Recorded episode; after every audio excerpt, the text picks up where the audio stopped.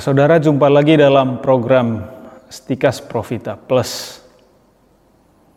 Ada sebuah cerita, ada sebuah keluarga sudah menikah enam tahun.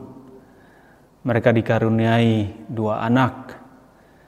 Dalam segala hal kehidupan mereka tercukupi secara materi. Suami memiliki kerja yang bagus, demikian juga istri. Anak-anak disekolahkan di sekolah yang ternama. Semuanya tampak baik dan tidak ada seorang pun, baik keluarga maupun sahabat, yang mengetahui adanya bom waktu yang mereka pasang sendiri dalam keluarga. Anak-anak juga tampak baik karena mereka terlalu kecil untuk mengetahui problem tersembunyi dalam keluarga. Sampai akhirnya suatu saat istri pingin pisah atau cerai. Suami tidak kaget karena keduanya sama-sama tahu persoalan dengan baik. Hanya saja mereka pandai menyembunyikannya dan tampaknya mereka menutup rapat persoalan ini dengan baik. Masalahnya adalah mereka menyimpan persoalan berlarut-larut dan menumpuk tanpa ada penyelesaian. Bagaimanapun pandainya dan kuatnya seseorang menyimpan persoalan suatu saat, pasti dia tidak akan tahan rentetan kemarahan yang menumpuk, dendam, sakit hati yang menggunung. Kebencian telah tertanam begitu dalam dalam hati mereka berdua. Semuanya kelihatan baik, tetapi hati mereka sesungguhnya penuh dengan kebencian satu sama lain. Ada banyak masalah dan tampaknya tetap dibiarkan mengambang. Tidak ada keterbukaan, tidak ada kata maaf, dan tidak ketulusan untuk melupakan kesalahan pasangan secara tulus. Ini hanya salah satu persoalan keluarga. Mungkin banyak juga saudara yang mengalami hal ini. Persoalan mendasarnya adalah tidak adanya maaf atau sering kali disebut tidak adanya pengampunan. Nah, ngomong-ngomong tentang pengampunan bukanlah hal yang mudah dalam penerapannya. Orang bahkan salah menilai tentang pengampunan dan dilihat sebagai tindakan yang tidak masuk akal. Orang sering kali melihat pengampunan sebagai tanda kelemahan karena seseorang tidak mampu membalas dendam. Kalau bahasa yang lebih tinggi, pengampunan adalah suatu tanda inferior terhadap orang yang lebih kuat, terhadap orang yang lebih berkuasa. Pengampunan adalah tanda kekalahan, sekaligus mengakui bahwa orang yang menyakiti kita lebih kuat. Lalu tentang balas dendam, tampaknya hal itu sebagai suatu kewajiban bagi seseorang. Bahkan dalam cerita-cerita, misalnya dalam film, dalam novel, balas dendam adalah sebuah keharusan dan merasa bersalah kalau tidak mampu membalas dendam. Orang yang mati tidak akan berjalan dengan baik menuju alam baka kalau tidak ada teman, keluarga yang membalas dendamnya kepada orang yang telah membunuhnya. Balas dendam dilihat sebagai suatu bentuk pemulihan kehormatan seseorang atau suatu keluarga. Dunia nyata pun demikian. Orang harus membalas dendam, tanda petik orang harus membalas dendam. Sejauh ia dapat melakukannya di suatu saat nanti, atau kalau dia tidak mampu membalas dendam, dia akan menyimpan sakit hatinya dan pintu pengampunan tidak ada sama sekali dalam kamus kehidupannya. Seseorang akan membawa sakit hatinya sampai akhir hayatnya, sampai di liang lahat. Demikianlah cara berpikir umum ketika seseorang merasa disakiti atau dikianati oleh orang lain. Ini sebuah kebenaran yang keruh Demikianlah terjadi dalam masyarakat kita, dalam keluarga kita. Pengampunan tampaknya suatu kemustahilan. Memang balas dendam adalah sesuatu yang masuk akal, logis. Kalau saya disakiti, saya harus balas. Mata ganti mata, gigi ganti gigi. Kalau saya dikhianati, saya tentu akan melakukan hal yang sama, balas mengkhianatinya. Masuk akal, bukan? Tetapi kita tidak sedang bicara tentang logika manusiawi. Kita sedang berbicara tentang karya Tuhan bagi orang yang hatinya terbuka. Pengampunan jangan dilihat dari sudut pandang perhitungan matematis. Tentu saja tidak nyambung. Pengampunan jauh dari segala macam perhitungan yang demikian. Memang pengampunan bukanlah pekerjaan mudah. Menurut saya pengampunan bukanlah karya manusia, melainkan rahmat. Rahmat berarti Tuhan yang berkarya. Dengan demikian pengampunan adalah karya Allah. Namun juga bekerja dalam manusia yang hatinya terbuka atas rahmat tersebut. Tapi mari kita bayangkan suatu dunia tanpa pengampunan. Pasti tidak ada kedamaian. Yang ada hanya perang yang dengan berbagai macam bentuknya. Perdamaian akan menjadi hal yang sangat mahal kalau tidak ada pengampunan. Hanya bangsa yang hatinya besar yang dapat melakukannya. Demikian juga dalam hidup berkeluarga. Tanpa pengampunan ya, satu terhadap yang lain, keluarga tidak akan harmonis.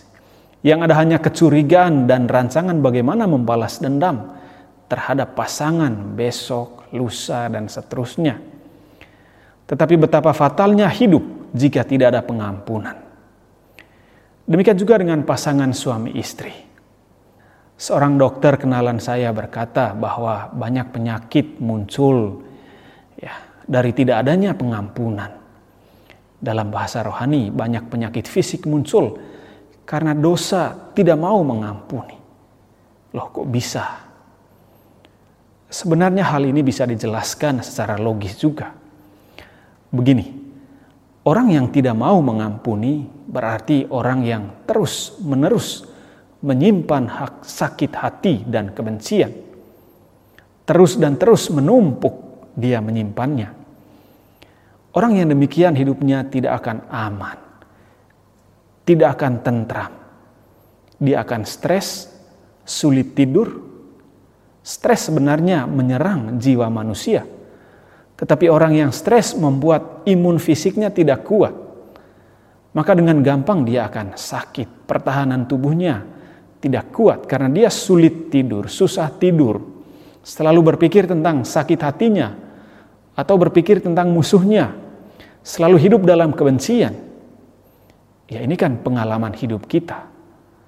Maka banyak muncul sakit fisik sebenarnya karena tidak adanya pengampunan satu sama lain tadi. Maka kalau dikatakan sakit fisik muncul karena dosa, tidak adanya pengampunan, dosa tidak adanya pengampunan satu terhadap yang lain, ya sesungguhnya dapat diterima oleh akal sehat kita. Karenanya di mana ada keluarga yang tidak akan pernah mau mengampuni satu sama lain, ya pasti hidup anggotanya tidak akan aman. Di sana tidak akan ada keharmonisan. Di sinilah kita melihat pengampunan sebagai karya Tuhan, tetapi juga memerlukan kerjasama manusia agar hal itu dapat terjadi. Rahmat Tuhan tidak akan bekerja kalau orang menutup hatinya terhadap tindakan pengampunan. Saya yakin keluarga yang membuka diri terhadap pengampunan akan mencapai kebahagiaan. Meskipun sikap pengampunan memerlukan keberanian, karena pengampunan tidak semudah apa yang kita katakan. Ini bukan pekerjaan mudah, semudah membalikan telapak tangan seperti ini. Ya, tentu ya pengampunan hal yang sulit. Maka betapa pentingnya pengampunan untuk suatu keluarga, terutama pasangan pernikahan yang sedang bertikai, keluarga yang sedang bertikai. Paus Fransiskus mengatakan begini, jika kita membiarkan perasaan buruk ya, memasuki hati kita, kita memberi ruang kepada rasa benci yang bersarang di dalamnya. Artinya, jangan memberi ruang dan kesempatan kepada rasa benci terhadap orang lain atau terhadap pasangan. Rasa benci adalah penyakit yang berakar dalam hati manusia, dan jika hal itu tetap dibiarkan, akan membawa hal buruk bagi keluarga. Keluarga menjadi tempat yang tidak nyaman. Perjumpaan dengan pasangan menjadi beban yang harus dihindari. Orang akan memiliki atau mencari alasan untuk betah di kantor betah dengan hobi pribadinya yang membuat seseorang terasing dari keluarganya. Seorang suami akan betah sampai larut malam berjumpa dengan teman-temannya. Istri akan betah dalam kelompok arisannya misalnya, atau kelompok lain. Nah, kalau hal ini terus terjadi dan terus dibiarkan, kita tahu apa yang akan terjadi selanjutnya. Paulus mengatakan bahwa kasih adalah pengampunan. Artinya tidak menyimpan kesalahan orang lain. Misalnya dalam 1 Korintus pasal 13 ayat 5. Artinya kasih tidak membalas kejahatan dengan kejahatan. Kasih tidak menyimpan kebencian. Lawan dari kebencian adalah pengampunan yang didasarkan pada sikap positif yang berupaya memahami kelemahan orang lain dan memaafkannya. Tidak ada seorang pun yang sempurna di antara kita. Kita semua membawa kelemahan Demikian juga dengan pasangan suami istri. Nah, menurut Paus, kebencian bisa bertumbuh dan berakar semakin kuat jika kecenderungan kebencian itu tetap dibiarkan. Ia seperti akar alang-alang yang semakin dibiarkan bertumbuh, semakin sulit dicabut. Meskipun suatu saat dapat dicabut, akarnya telah menyebar ke mana-mana dan semakin sulit untuk dibersihkan. Kebencian itu ada pertama-tama dalam pikiran manusia. Karena itu sering kali orang menaruh curiga. Jangan-jangan pasangannya begini. Jangan-jangan dia begitu. Kebencian membuat orang semakin mudah untuk ya negatif thinking terhadap orang lain, curiga terhadap orang lain. Mungkin pasangannya tidak berbuat salah, tetapi karena kebencian telah mengakar begitu dalam, maka apa yang sesungguhnya baik dicurigai. Setiap kesalahan atau kekilafan pasangan dapat mengerogoti kasih yang stabilitas dalam keluarga. Kebencian menjadi penyakit kronis yang menyerang setiap pribadi dalam keluarga. Nah, cukup sering terjadi bahwa kebencian membuat kebaikan yang dilakukan oleh seseorang menjadi hal yang jahat. Kebencian membuat mata seseorang itu buta untuk melihat kebaikan. Maka betapa pentingnya bagi pasangan untuk memiliki sikap pengampunan. Pengampunan adalah tanda bahwa di hati kita masih ada cinta. Kalau hati kita dikuasai sepenuhnya oleh kebencian, maka sesungguhnya keluarga kita sedang berada di jurang kehancuran. Namun seperti yang telah dikatakan, pengampunan bukanlah perkara mudah. Ini adalah karya rahmat Tuhan di satu pihak dan keberanian yang bercampur kerelaan dari pihak manusia. Tidak ada pengampunan tanpa keberanian dan kerelaan. Begitu pentingnya pengampunan dalam hidup berkeluarga.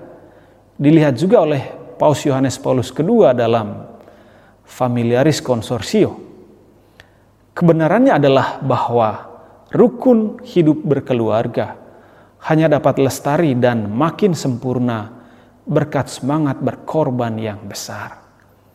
Memang dibutuhkan sikap terbuka dan bermurah hati pada semua dan masing-masing anggota untuk memberi pengertian, bertenggang rasa, saling mengampuni dan saling berdamai. Tiada keluarga yang tidak memahami betapa egoisme, perselisihan, ketegangan dan konflik secara kasar menyerang dan ada kalanya melukai secara fatal rukun hidup itu sendiri. Itulah yang menimbulkan banyak dan bermacam-macam bentuk perpecahan dalam hidup berkeluarga. Demikian dikatakan oleh Santo Yohanes Paulus II. Jelaslah bahwa kebencian yang merupakan lawan dari pengampunan menimbulkan luka yang yang mendalam yang dapat membawa pada kehancuran hidup berkeluarga.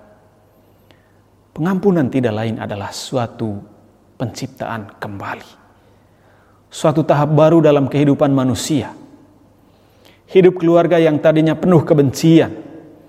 Kalau semua pihak terbuka dan mampu mengampuni, jelas itu suatu penciptaan kembali, suatu pembaharuan hidup manusia dengan kata lain, pengampunan merupakan suatu keterbukaan pada cakrawala masa depan.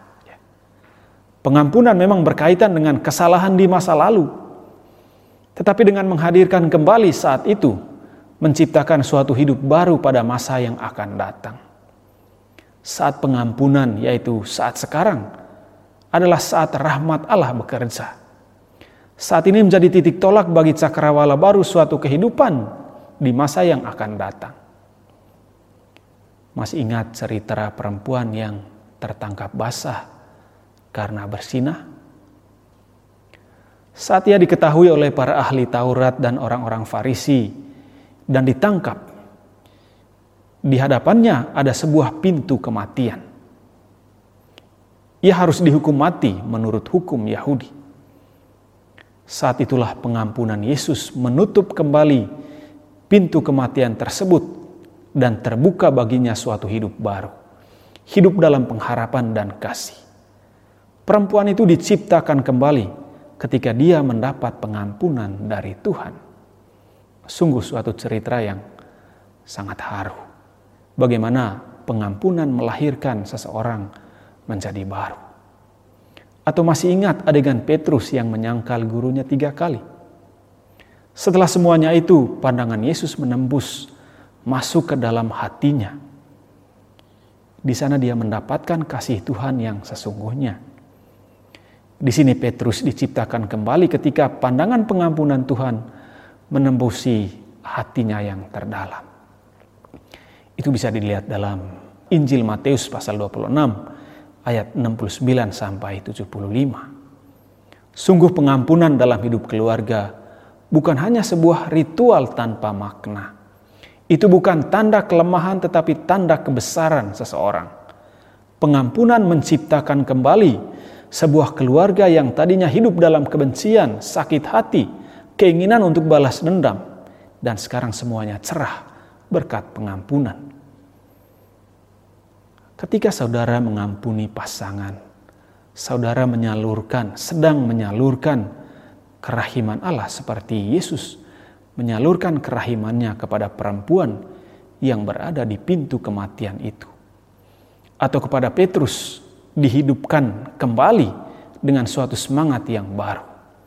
Itulah karya Allah sekaligus karya kita dalam keluarga. Maka ayolah saudara-saudara bapak ibu, ya, adik-adik teman-teman yang membangun keluarga dan yang mendengar apa yang kami katakan ini. Runtuhkanlah gengsimu dan mulailah memaafkan. Lembutkan hatimu yang keras. Saudara akan tidur dengan nyenyak jika mau mengampuni. Ciptakan ruang dalam hatimu untuk pasangan masing-masing dan terutama untuk Tuhan Yesus tanpa memberi ruang kepada Yesus, kita tidak mungkin dapat mengampuni. Ciptakan kembali keluarga saudara karena semangat pengampunan. Jangan biarkan kebencian berlarut-larut. Tutuplah pintu kehancuran bagi keluarga kita dengan pengampunan. Sekali lagi saya tekankan, pengampunan adalah suatu penciptaan kembali. Suatu penciptaan kembali hidup berkeluarga kita. Semoga kita semakin mencintai dan memahami kebenaran sehingga akhirnya diselamatkan. Salam Profita.